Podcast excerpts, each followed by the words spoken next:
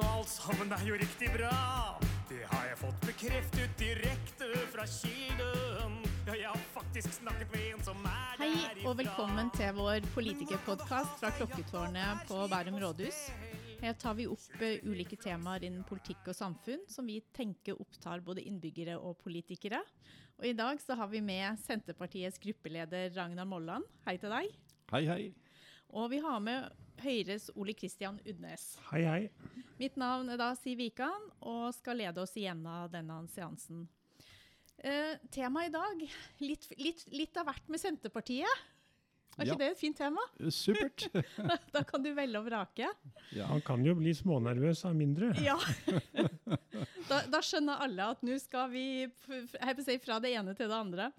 Men hvordan er det å være ny i Bærumspolitikken? Du kom jo inn eh, for ett år siden og har fått et år på baken, kan jeg si det sånn. Litt spesielt år, riktignok. Men uh, hva, hva, hvilke refleksjoner har du etter Jo, jo Siv, jeg vil bringe oss tilbake til eh, jeg tror det var februar måned i fjor. ja, Fordi da sto jeg på førsteplass på Senterpartiets liste og var klar over at det var en viss risiko for at jeg kom inn i kommunestyret. Så fant jeg ut at da var det lurt å overvære et kommunestyremøte. Så jeg satt på galleriet og hørte debatten om eh, eh, KDP3 på Fornebu. Det vil si, eh, jeg satt i over to timer og hørte at man snakket om helt andre saker. Og da man begynte på debatten, så valgte jeg faktisk å gå min vei. Og da tenkte jeg som så at tenk om jeg til høsten sitter nede i salen. Jeg er nødt til å sitte der. Hvor lenge tar dette møtet? Sannsynligvis fem-seks timer. Dette må jeg bare forberede meg på. Men så var det en annen ting også. Eh, I mai måned hadde vi på vårt styremøte besøk av Bustika. Og det resulterte i en fem siders reportasje 1.6 med overskriften 'Motbakkeløperne'. Ja. Og da var temaet det at hvorfor i all verden gidder disse å drive med noe som ingen er interessert i og vil stemme på? Men vi var jo, og er jo fortsatt en gjeng optimister, og en veldig hyggelig gjeng. Så den artikkelen ga fullt inntrykk av, eh, av, av dette her. Og motbakkeløperne altså Hvis du skal nå nye høyder, så må du nødvendigvis opp en motbakke. Og vi lurte på om vi kom, fikk inn én eller to. Uh, og ja, så dette, var, dette syns vi var veldig artig og en fin måte å få presentert oss på. Takk. Ikke sant? Og bare sånn lite innspill til deg. For jeg husker første gang jeg traff på deg, det var på en sånn folkemøte på Hosletoppen skole. Og da hilste jeg på deg, og da var det litt sånn ja, forventninger til valget og ambisjoner. Og da husker jeg du sa ja, du, dere har forventning om å få to inn. Og da tenkte jeg i alle dager, det var jo veldig Ja. Det var veldig ambisiøst, men, men, det klarte dere. Vi Ja. kjente hverandre jo eh, mange år før det. fordi da jeg var leder av planutvalget, så var du leder av eh, Gjettum velforening. Og vi hadde en del saker og diskusjoner oss imellom. Og mm, jeg syns jo at du Jeg syns det er veldig hyggelig at eh, til tross for at du tilhører Senterpartiet, at du har kommet inn i Bærumspolitikken. Jeg syns du har kommet inn på en veldig god måte, og du er en hyggelig person. Og du er hyggelig å snakke med. Og du ringer ofte og spør om saker som du lurer på, enten det er i formannskapet eller kommunestyret. Så vi, vi snakker mye uformelt sammen. Så jeg syns, og, og du har jo mye kompetanse med deg på ditt område, som særlig er det byggefaglige og eh, rådgivningsmessige, som ikke alle andre har. Så, så jeg syns du har vært en positiv tilvekst til Bærumspolitikken, det må jeg si. Ja, Ole Kristian, nå er du inne på slik jeg også følte det da jeg kom inn i kommunestyret. Eh, For jeg følte meg veldig godt mottatt. Jeg tenkte på forhånd kanskje at ja, nå er det mange som tenker slik at å, nå blir vi belemret med dette Senterpartiet som vi har vært uh, ute, kvi, kvi, vært kvitt i i tolv år, og at vi vil bli oversett. Men det, det følte jeg absolutt ikke. Uh, og vi hadde jo en introduksjon, vi hadde en øvelse dette her å gå på talerstolen. Ja. Ikke sant? Eh, vi fikk en oppgave hvor vi, skulle, hvor var- vi var en, et hovedutvalg eh, for det, her, det her var bespisning. folke, en del av folkevalgtopplæringa. Ja, folkevalgtopplæringen. Mm. Ikke sant? Eh, Hovedutvalg for bespisningen. Ja. Og det var kjempeartig, uh, den debatten. Så, men under eh, konstitueringen, Mm. eh, da var det jo slik at Arbeiderpartiet ledet dette på håper å si, mindretallspartienes side. Og da var det to måter å gjøre det på. Det ene var avtalevalg, Mm. og det var i grunnen lett å skjønne. Mm. Men så var det dette andre alternativet som ble kalt for forholdstall. Mm.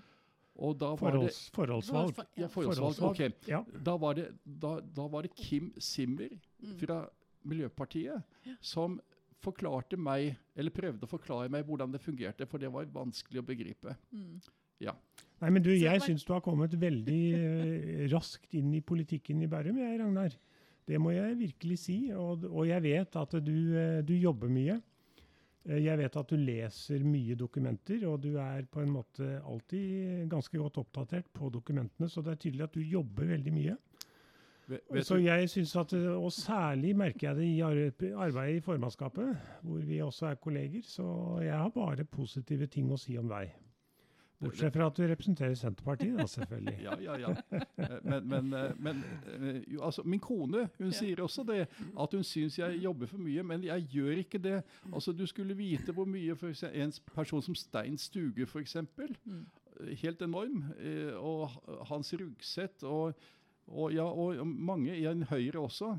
Eh, Så, så jeg, jeg gjør ikke så mye. Men altså det som er saken for oss, med, som er bare to i kommunestyret, Mm. vi skal på en måte prøve å sette oss inn i alt. Ja. Sånn som Høyre eh, med 22. Altså Jeg går ut fra at dere har fordelt eh, altså områdene, Ja. slik at, eh, at man kan gå inn i dybden. Vi er jo flere å dele på, Ja. så du kan si de som er færre, får jo en mye større belastning sånn sett. Eh, Men det er klart, det gjelder jo det der å plukke sine saker, sine områder, for at man Det er nesten umulig å gå i dybden Ja, på og litt av det du var inne på Ja. helt innledningsvis, Ragnar, med at det er så mange saker før vi egentlig kommer til hovedsaken i det møtet. Mm. Det er jo bare et utslag av at Bærum er en veldig stor kommune, og, vi har, og det skjer mye her. Og vi har en vekst, og vi har mange reguleringsplaner. Og, og, og, så, så rett og slett, i en sto, så stor kommune som Bærum, så vil det alltid være mange saker. Også før vi kommer til hovedsaken, for å si det sånn. Ja.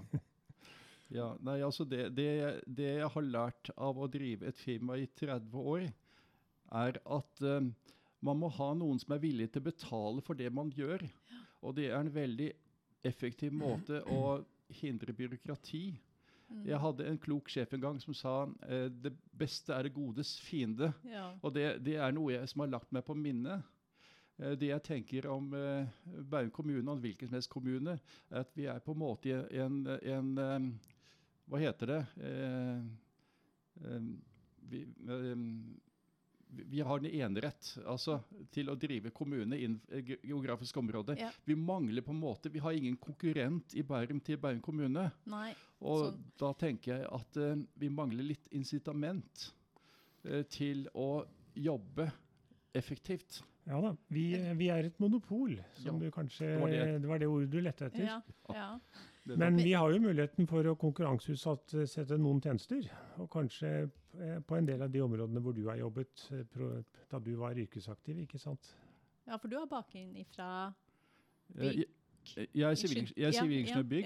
Eh, Jeg har drevet et firma innen prosjekt og byggeledelse. mm. Jeg har hatt et antall oppdrag for Bærum kommune opp gjennom årene. Det har vært skoler, det har vært barnehager, og da har det vært prosjekt og utbygging. Den avdelingen Så du har jo en unik eh, erfaring med deg i forhold til det å ta det over i det politiske. Og så vet jeg jo du hadde sånn herlig mål om å Det var planutvalget som på en måte var drømmen for deg. Men der måtte du vike og gi til SV. Hvordan var det? Da tror jeg du var litt skuffa. Eh, Nja, altså jeg syns i grunnen at um, SV fikk jo flere stemmer enn Senterpartiet. Og Anita er arkitekt, eh, veldig dyktig, Mm. eh, nå medlem av planutvalget. Så jeg sa på et møte da at eh, jeg, siden dere fikk flere Ja. stemmer enn oss, Anita, så får du eh, velge det. Ja. Men i ettertid, Ja. Siv, Ja. så har jeg funnet ut at, at eh, formannskapet Det er det er jo det faktisk det mest interessante stedet å være. ja, det er det, Ragnar. Så du vant egentlig gullmedaljen allikevel, for å si det sånn. Når du, eh, jeg vil jo gjerne også reklamere litt for planutvalget, selvfølgelig, enn etter åtte år som leder. Men, men eh, når du ikke kom med der, så kunne du jo ikke fått et bedre utfall enn å bli medlem av formannskapet. Ja, og jeg husker jeg sa det jo til deg. Bare vent. Det her, er, det her Ja blir mye mer spennende, for Ja du får jo et mye videre spekter. Det, det som er litt skummelt å sitte i formannskap, er at jeg føler at det der sitter liksom eh, de mest erfarne fra alle de andre partiene. Og så er jeg eh, den liksom amatøren som er kommet inn her nå. Eh, ja. Eh, Ja, men det, det, er for- lov, det er lov å spørre, og det er lov å være ny. Ja. Alle har vært ny en gang. Så, Altså det, det som ja. er fordelen med å, ligge, å være i formannskap også, er at uh, du får da de sakene, de fleste sakene skal også opp i kommunestyret. Ja. Og da har du vært igjennom én gang. Ja. Det er riktig. Ja, så det er en Så det fordel. er jo fortsett. Jeg er veldig ja. fornøyd med å være i formannskapet. Ja. Ja, men Det var hyggelig å høre. Og vi er fornøyd med at du er der, som jeg har sagt. Ja. Ja. Eh, men Senterpartiet er jo opptatt av eh, på en måte litt av hvert, egentlig. Alt fra distriktspolitikk. Jeg, må innrømme jeg satt i går og gjorde en sånn liten research og var inne og loka litt på programmet til Senter, eller utkast til program til, til Senterpartiet. Men hvordan er det å, å på en måte være Senterpartipolitiker i Bærum, så nært til hovedstadsområdet, og, og så tenker jeg kontra den der distriktshatten. Føler du at den er litt fjern, eller føler du at du er på en måte på rett, på rett sted geografisk? Vet, vet du, Siv? Altså, du er fra Nord-Norge. Ja. ikke sant? Du er fra Vest, distriktene. ja, jeg er fra distriktet. Ja, Mm. absolutt. Altså Det jeg syns er så fint med Norge, er at vi fortsatt har en rimelig spredt bosetting. Mm. Når, når vi reiser rundt i landet, så ser vi her bor det faktisk folk. ikke Mm. sant? Og jeg mener at um, pressområdene og, og distriktene har en felles interesse, egentlig. Mm. Fordi eh, Bærum er utsatt for et press. Oslo-området er utsatt for et press. eh, og som skaper problemer. Eh, høye boligpriser ikke sant? og trengsel på veier og kommunikasjoner osv. Og så har du andre kommuner i, landet som er utsatt for fraflytting. Ikke sant? Sånn at hvis vi greier å få til vekst rundt omkring i landet og fått bremset litt på denne innflyttingen til Oslo-området, så er både Bærum Da er det vinn-vinn. Ja, jeg mener det er vinn-vinn-situasjon. Ja, da, jeg er helt enig i det du sier. fordi at um, det kan stilles spørsmålstegn ved den veksten som vi har hatt i Bærum i mange år, og som vi fortsatt planlegger for. For det er klart at Bærum kommune har et relativt begrenset areal å vokse på. For store deler av kommunen vår er vernet, og skal være det. Slik at eh, på et eller annet eh, tidspunkt, og det er ikke sikkert det ligger så langt frem i tiden heller, så, eh, så blir på en måte Bærum kommune full av boliger og trafikk og mennesker. Og det må vi være, være klar over, slik at jeg har på en måte i det siste blitt en eksponent for å, for å løfte akkurat det perspektivet også. Og jeg er også født og oppvokst på landet, oppe på Romerike et sted. Så, så ingen av oss tre kommer fra Bærum. Det er på en måte litt typisk, men allikevel, men allikevel sitter vi der hvor vi sitter. Mm. Og det er litt typisk. Men, men dette med veksten i Bærum, det bør vi absolutt se på. Mm. Jeg, jeg er så helt enig med deg, Ole Kristian. Altså, vi, er, vi, er jo, vi kommer jo av stammer fra bønder alle sammen, når du går litt tilbake i, i historien. Og dette med bærekraftig vekst Altså, eh, det, det påstås at vi må ha en sterk vekst for å betale for, for utgiftene. Men tenk kommuner som ikke har vekst i Norge. De har ikke den muligheten. De må kunne avpasse utgiftene til de inntektene de har. Og som Ole Kristian sier også, vi har begrenset areal. Og det fører til at vi nå har en boligbygging eh, i henhold til uh, knutepunktstrategi. Ja, for den er du litt opptatt av. Veldig opptatt Ja. av det. Altså, jeg, jeg pleier også å si at Senterpartiet vi setter bokvalitet foran bokvantitet. Vi er på innbyggernes side mot utbyggerne. Det som skjer nå i knutepunkt... Altså, det som er fornuftig, er at man har bestemt at visse deler i kommunen skal det fortrinnsvis bygges. Og det er jo Fornebu, det er, eh, det er eh, Sandvika, det er Bekkestua eh, i hovedsak. Eh, men det som skjer, syns jeg, er at man bygger for høyt, man bygger for tett. Mm. Og det som bygges altså Vi bygger nå på de dårligste tomtene, egentlig. Vi bygger på tomter som er utsatt for trafikkstøy. Eh, det kan bli so dårlige solforhold. Altså I et TEK 17 eh, så er det en, en anbefaling om at boliger skal ha minst fem timer sol per vårhjemdøgn, høsthjemdøgn. Mm. Det er ikke et krav, det er en anbefaling. Den skulle jeg ønsket Ole Kristian hadde, at hadde ligget inne i KDP3, for jeg tror det hadde fått en, et resultat at man ikke hadde bygget så tett. Ja, for nå er du plutselig på Fornebu. Men for de som ikke vet hva en, eh, den knutepunktstrategien er for noe, så er jo det en del av arealplans si, grunnstein. Ja. At vi skal bygge langs kollektivtraseen med det her med Lysaker, Sandvika, Bekkestua. Ja da. Jeg tror av mange forskjellige grunner at vi må ha en eh, knutepunktstrategi. Altså det må være et visst system i utbyggingen vår av Mm. boliger og næringsvirksomhet. For ellers så vil vi jo ødelegge alt som heter naturområder og, osv. så videre av verdi i kommunen. Slik at eh, jeg tror nok vi må være enige om at vi skal ha en knutepunktstrategi. Eh, Men det er klart at eh, en del av utbyggingen som da skjer i disse knutepunktene, når vi skal ha inn så mange boliger for å kunne vokse så og så mye, så stresser vi hele tiden dette med kravene til bokvalitet. Mm. Når det gjelder høyder og sollys osv. Og, så og det er et av eksemplene på at jeg i og for seg stiller noen spørsmål, har begynt å stille noen spørsmål ved hvor rask vekst vi skal ha i Bærum. Fordi at det Mm. presser akkurat disse kvalitetsparameterne våre. Eh, som, eh, som vi, jeg ikke syns vi skal utfordre, for å si det sånn. fordi at det skal jo bo mennesker her i mange generasjoner fremover.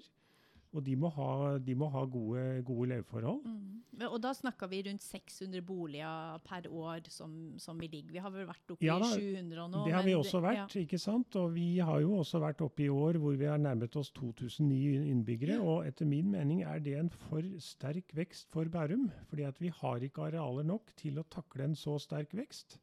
Eh, og så sier man da en vekst på halvannen prosent. Det er bare det at det er akkurat som med oljefondet. Den pro prosenten resulterer jo i flere mennesker eller flere kroner, ikke sant? jo høyere utgangspunkt du har.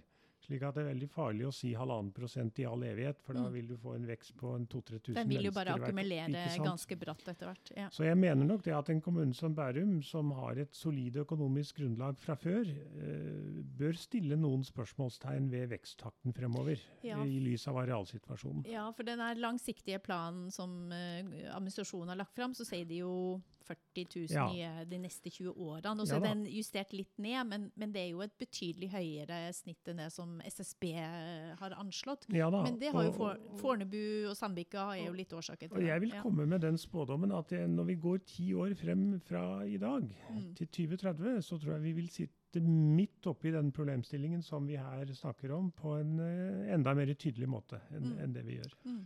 Du nevnte fors eh, forskjellen mellom SSB og eh, kommunen Mm. når det gjelder anslag Ja. for befolkning. Ja.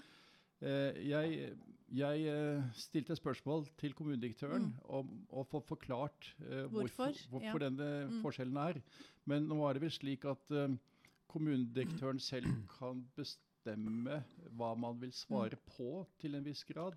Jeg har i hvert Han fall bør ikke, jo, jeg har hvert fall jo ikke fått svare svar. på, han Nei. bør jo svare på det du spør om. Der tar du opp et veldig viktig punkt, fordi at Bærum har tradisjonelt sett alltid brukt sine egne befolkningsprognoser Mm. i stedet for SSB. Og jeg stiller også spørsmålstegn ved det, fordi at prognosene til Statistisk sentralbyrå de viser jo faktisk en avtagende befolkningsvekst pga. mange forskjellige forhold. Mm. Og dermed så er det på en måte ikke noe stort poeng i at uh, Bærum uh, akselererer veksten for å ta en enda større del av Norges befolkning enn den vi allerede ja. har. Men du kan si at den forklaringen vi har fått på det, er primært Fornebu og eh, Sandvika. Fornebu skal jo Ja. Hva blir det? 25 000 til 30 000 innbyggere? Ja da, det, det, er det, dette er jo en vekselvirkning mellom Mm. antall boliger og eh, Det blir litt sånn høna-egget-diskusjon, ikke sant? Fordi at eh, bygger du mange boliger, så Mm. får du sterk vekst. Og får du sterk vekst, så må du bygge mange boliger, ikke sant? Slik at eh, Mm. Men det er vel det SSB ikke har tatt inn i sine beregninger, da.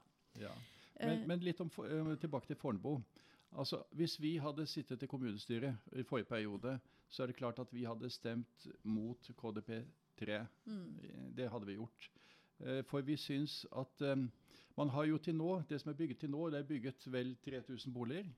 Av de 6003 som lå i KDP2. Mm. Mm. Ja, ikke sant? Og jeg har sykla en del rundt omkring på Fornebu, Ja. og syns i grunnen at det er så fint det som er gjort. Fordi du har konsentrerte felt. Mm. Eh, gjerne begrenset til kanskje fireetasjebebyggelse. Eh, Mm. Men så har du store områder mellom. Om, området mellom. Og når du da har bygget 3000 boliger av det planlagte 6003, så har du da brukt opp tilsvarende av arealet. Og nå skal du da øke boligtallet til 11 000 på det resterende arealet som er. For Nansenparken skal jo beholdes. Så, så da får man eh, Det er klart at da blir jo tettheten, eh, høyden, tettheten, må jo bli mye større. Og jeg føler på en måte at man ødelegger den, Man hadde en visjon om Fornebulandet Mm. før, og det har man sluttet å prate om. Eh, Ja, og du har jo introdusert Fornebu-byen. ja, så er det så Fornebu på- by. Ja, men det, det har vi jo faktisk ja. vedtatt. Ja. For, for å si det sånn. Vi har jo delt dette området Byen, i byen, park, byen Ja. parken og landet, slik at eh, noe av området skal være bymessig. Men så er det også viktig at deler av området da skal være mer landlig, og eh, også da denne parken, som jo er selv, selvfølgelig veldig viktig. Men, men det er klart at i kjerneområdene langs den nye banen, så, så, så blir det en, bare en temmelig bymessig bebyggelse. Det må vi innrømme. Mm. Man, man har jo begrepet på Fornebu som byen, parken og landet. Mm. Men ute på landet skal du bygge fireetasjes blokker. Altså, Mm. det er ikke, stemmer ikke med mine begreper om landet. Men, men OK, altså eh, Grunnen til dette her er jo selvfølgelig å få finansiert Fornebubanen. Det er det som ligger bak. Jeg Ja, tror- og den jeg- sosiale infrastrukturen, Ja. der er vel eh, Jo. det anslått til over 6 milliarder, var det ikke det, Ole Kristian? 6, nå Ja. Det er det, på- det er ja. Så Ja det er jo en vanvittig satsing på det òg. Jeg tror egentlig at Høyre ikke, hadde, ikke, egentlig ikke ønsker denne voldsomme eh, utbyggingen som er. Hadde, hadde vi ikke hatt Fornebubanen som tema i, i debatten, Mm. så tror vi eh, kanskje vi hadde holdt oss til Fornebulandet. Og så er det Nei, også Nei, jeg, det, det, der må jeg nok si meg Ja. litt uenig med deg, Ragnar. Vi, vi bygger ikke ut Fornebu for å få en eh, bane. Det, det, det vil være feil eh, utgangspunkt. Vi eh, gjør nok dette fordi at vi ta, må ta vår del av den befolkningsveksten som vi har i Oslo og Akershus-regionen. Eh, Det er nok hovedbegrunnelsen for det. Eh, Men så kan man selvfølgelig da diskutere, som jeg allerede har, har vært litt inne på, hvor, hvor stor andel av veksten skal Bærum ta. Men det er nok ikke riktig å si, si at vi, vi bygger ut Fornebu for å få en Fornebubane. Vi bygger ut Fornebu fordi at det er et eh, naturlig område å bygge boliger i i, eh, i Oslo-regionen. Mm. Det ligger jo praktisk talt i Oslo, for å si det på den ja, måten. Ja, Så det har noe med den sentrale beliggenheten å gjøre. Men det er viktig, som Ragnar er inne på, å ivareta kravene til bokvalitet. Eh, ja. Men jeg Altså- tenker hvis man først skulle bygge her på seg, altså utnytte arealet, det er jo det det handler om, eh, så er jo beliggenheten eh, Og mange i Oslo tenker jo på Fornebu som Oslo, som Ja. en del av Oslo. ja. Det er mange som faktisk ikke klarer over at det Ja. ligger i Bærum. Og man, altså når du ligger så tett på hovedstadsområdet eh, og har det potensialet, skulle man da Og når vi vet det trykket med, i forhold til alle i det sentrale østlands... Hva er det, 350 000 som skal bosette seg her mot 2050 eller noe sånt? Ja, da. Så, eh, Og så vil jeg minne om ja. en ting til, og det er at denne knutepunktstrategien den er faktisk veldig viktig for å bevare alt det grønne og klimamessige og naturmessige som vi har i Bærum. Eh, det, det er en uttrykkelig forutsetning for det. Mm. Eh, Men nå er det jo Obos som bygger ut det aller meste på Fornebu. Og da er det jo faktisk eh, Medlemmer i Obos eh, er jo i stor grad bosatt i Oslo. Eh, så Fornebu er på en måte blitt Oslos utbyggingsområde. Og nå er vi kanskje inne på dette med, dette med mm, byvekstavtalen. Mm. Altså, vi har stemt for byvekstavtalen, men selve ordet liker jeg ikke. Altså, Jeg har merket meg at Pensjonistpartiet ved flere anledninger har kommet med noe utspill Mm. eh, om eh, hva den betyr, og det, det tror jeg ikke på, altså. Men, men, men, men, men likevel altså, Nå er vi tilbake til kjernen til dette her med presset mot Oslo-området. Mm. Ikke sant? Så vi ønsker å få redusert eh, dette presset. Og Og da tenker du løsninga er å få distriktene opp og gå? Du, nå skal du eh, Og da er vi jo litt inne i Viken. Vi Ja, kan jo begynne med Viken, for det vet vi jeg har- også men du er før, opptatt av. før vi kommer Ja. til Viken, så har jo Senterpartiet å si, foreslått et med eh, bygdevekstavtale. Bygdevekstavtale, ja. Ja da, ja, absolutt. Nei, altså, Men- men- for å si det sånn, eh, Raymond Johansen og jeg, vi danset sammen på Skøyen Ja. stasjon i glede det- Over, over byvekstavtalen. Det gjorde vi nok til størst glede for avisene, må jeg, må jeg innrømme. Ja, det var Men- flere av oss som lo av det bildet, Ole Ja, Kristian. men, men dette ordet by, det, jeg er for så vidt litt enig med deg, Ragnar, fordi at eh, dette ordet by har på en måte eh, smuglet seg litt inn i alle sånne sammenhenger, og vi snakker om byplanlegging, eh, enten vi er i byen eller på landet, for å si det sånn, altså urban planning. Så det betyr ikke nødvendigvis at vi skal ha byer overalt hvor vi bruker begrepet by, men by og urban planning har på en måte blitt et sånt planbegrep, da. Som, som jo selvfølgelig er preget av at det brukes internasjonalt. Men, men dette med bygdevekstavtalen altså eh, Spørsmålet er hvordan skal dette finansieres? Og da har, har noen Men hva snakket- ligger i det? Hva er, hva er det for noe? Eh, Man skal bruke et visst antall eh, hundre millioner Ja. eh, til å styrke eh, vekstområder rundt omkring i landet. Men på hvilken måte da? Eh, ja, det må jo være hjelp til næringsutvikling. Altså, det- det er jo jobbene. Det er jo det, er jo det som er forutsetningen for at Ja. folk vil bosette seg et sted. Ja. Er jobbene. Så det er vel for oss å styrke eh, visse vekstområder rundt omkring landet, for dermed å lette presset på Oslo-området. Mm. Men finansieringen eh, så har det noen som har sagt eh, at eh, det skal tas av byvekstavtalene. Og da kan jeg bare opplyse om at eh, Akershus Senterparti vi jobber nå internt. Ja, For det heter fortsatt Akershus eh, Senterparti. eh, det, heter Jo, det, det, det gjør det det, gjør det. de facto. Eh, Akershus er jo valgdistrikt også ved stortingsvalget. Ikke sant? Men, men vi i Akershus vi ønsker at bygdevekstavtalen skal finansieres ikke ved å ta fra byvekstavtalene, Nei. men finansiere på en annen måte. Mm. For vi innser også at eh, byene, og Oslo, Bærum, trenger de midlene som ligger i byvekstavtalen. Det gjør vi virkelig.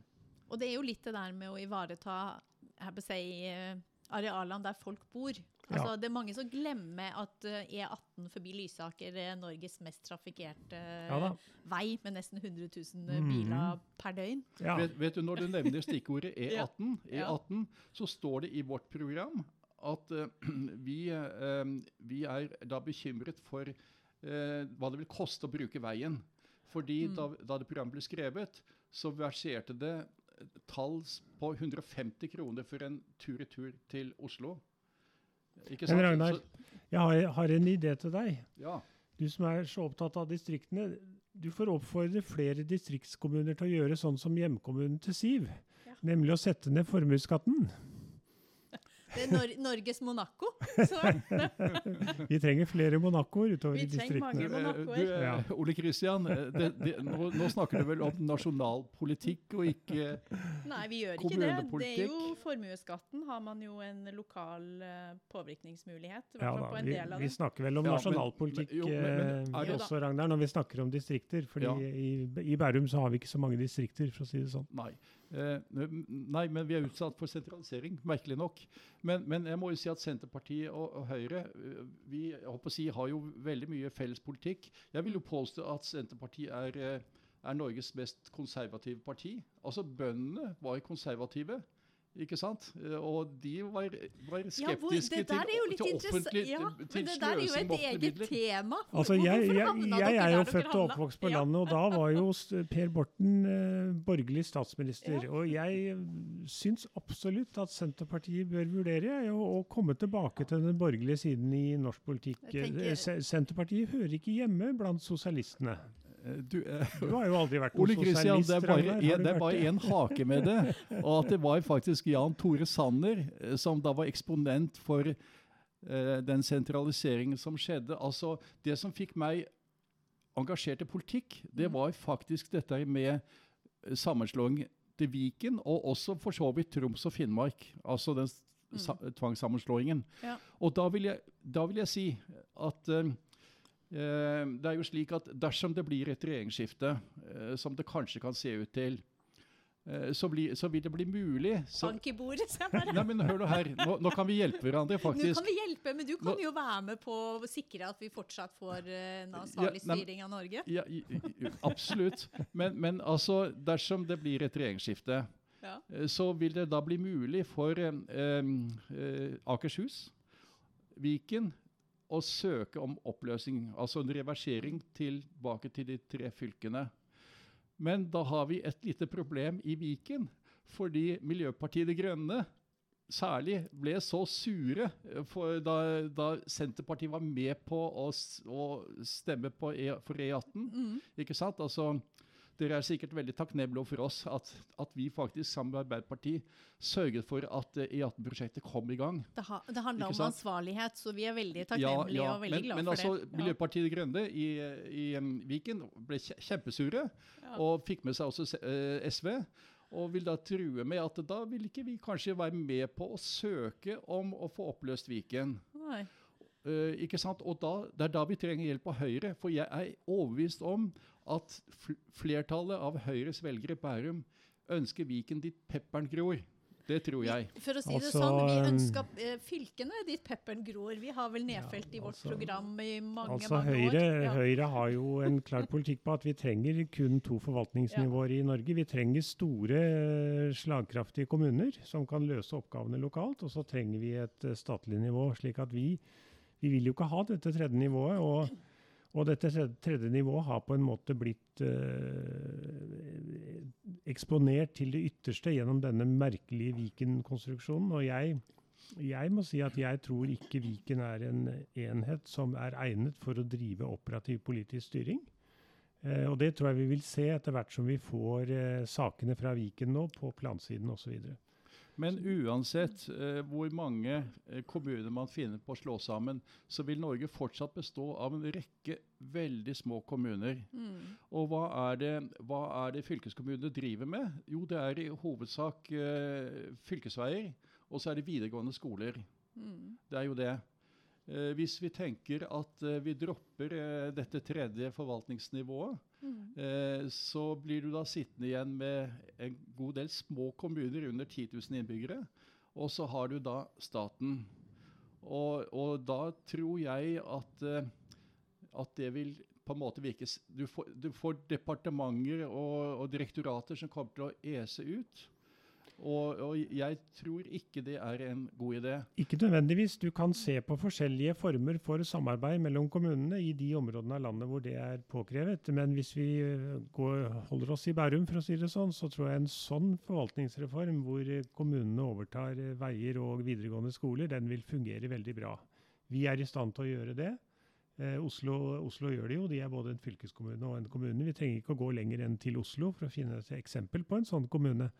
Så jeg tror at det vil, det vil fungere aldeles utmerket hos oss. Og, men det er klart at utover i landet så må du finne forskjellige former for samarbeidsmønstre mellom kommunene for å få det til å fungere. Og regionsamarbeid det har man Ja. jo også på tross av at man har fylkesinndeling. Ja, det, det, det som er det paradoksale nå, at til tross for at vi har fått disse store regionene, med Viken som et eksempel, så må man nå begynne å brekke opp dette igjen. slik at nå Mm. begynner vi faktisk å snakke om et, at vi må ha et regionsamarbeid innenfor Viken.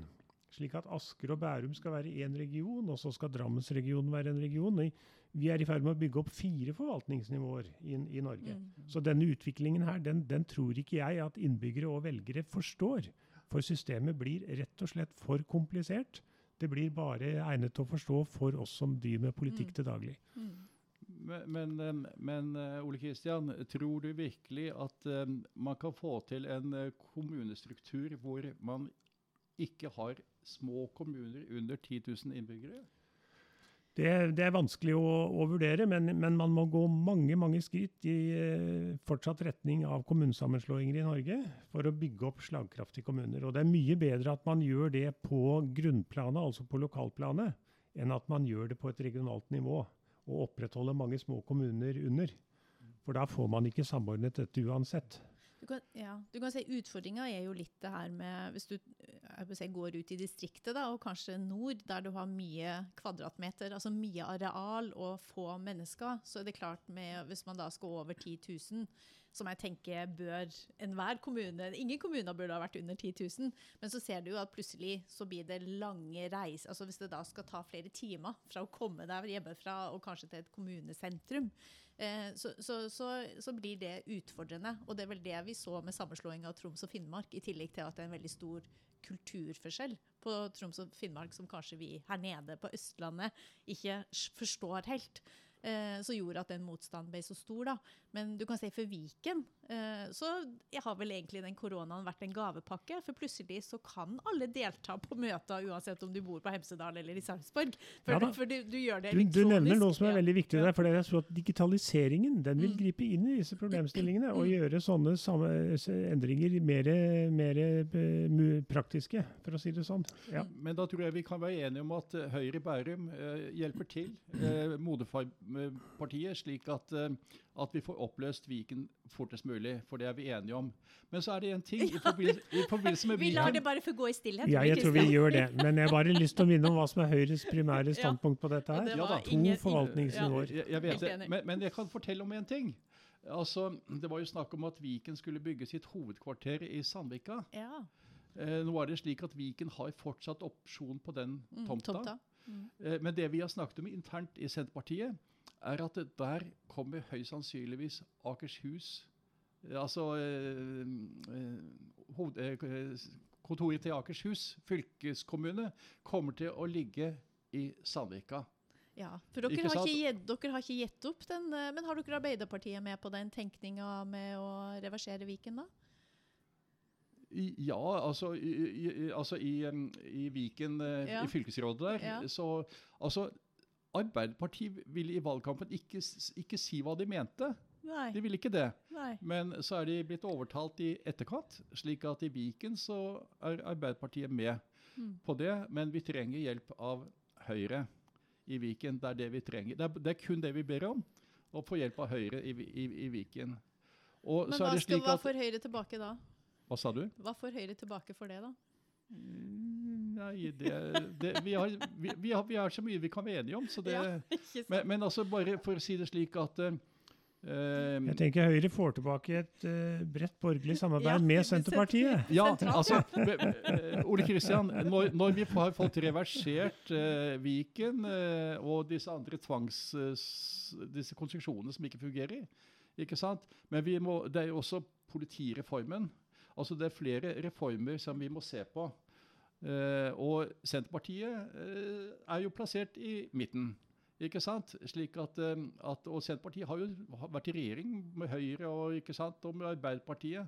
Så jeg syns jo i grunnen at det er en veldig fin posisjon å være i midten. Være i midten, ja. Men Ja. dere må jo kanskje forholde dere til SV, og det tror jeg jo kanskje kan være litt utfordrende på enkelte av politikkområdene, i hvert fall. Snakker vi om Stortinget nå? Nå snakker vi om Stortinget, det er det om som ligger nærmest. Ja, altså, vet du hva? Altså, jeg er faktisk tilhenger av mindretallsregjeringer. Og at makten kommer tilbake til Stortinget. Det er klart det er et problem når du kommer til eh, budsjettbehandling. Det ser du jo nå, Mm. ikke sant? Eh, Det, det er det jo. Men, men, eh, men å kunne kjøre slalåm i Stortinget, som vi snakker om, det syns jeg egentlig er en god ting. For da blir løsningene eh, mer i tråd med å si, Men, men det folk- må være veldig problematisk synes jeg, for et parti som Senterpartiet å samarbeide med de mest ihuga sosialistene som vi har her i landet. Fra Rødt til SV og osv. Senterpartiet har jo aldri vært sosialister. De har vært et parti bestående av selveiende bønder. Jeg, jeg, jeg, jeg lurer på om vi skal la det Ja, være, være avslutninga, for nå går tida veldig fort her. Oh, ja. Men det var jo veldig hyggelig, da. Uh, vi har en sånn liten uh, fun fact-del uh, til slutt. Og vi har jo vært litt innom på det her med store og små kommuner. Men vet dere hva som er Norges minste kommune, og hvor mange innbyggere den har? Det er, eh, det er en liten øykommune ute ved Lofotenhavet. Eller, Lofotenhavet? ja Jeg har ikke vært så langt nord. Nei, jeg tror han ligger lenger sjøl, da. Er det Grip, kanskje? Nei. Eh, Det er i hvert fall det er snakk om under 1000 innbyggere. Det er snakk om under 500 innbyggere. Eh, Jeg tipper det er un, 370 innbyggere. Ja. Det er nok noen hundre innbyggere. ja. Utsira er vel ikke så stor, er det det? Nei, det er Utsira. Det er Ja, ikke riktig. sant? 198 innbyggere. 198, ja. Så, og alle jobba i kommunen. Nettopp det. Så her er et potensial. Senterpartiet må jo også mene at her er det et potensial. Utsira kommer til å bli avfolket hvis ikke det fortsatt er en egen kommune. skal jeg si det. valgresultatet fra Utsira kommer i hvert fall rimelig fort, for å si det sånn. Ja, de trenger ikke noe omtelling der. Nei.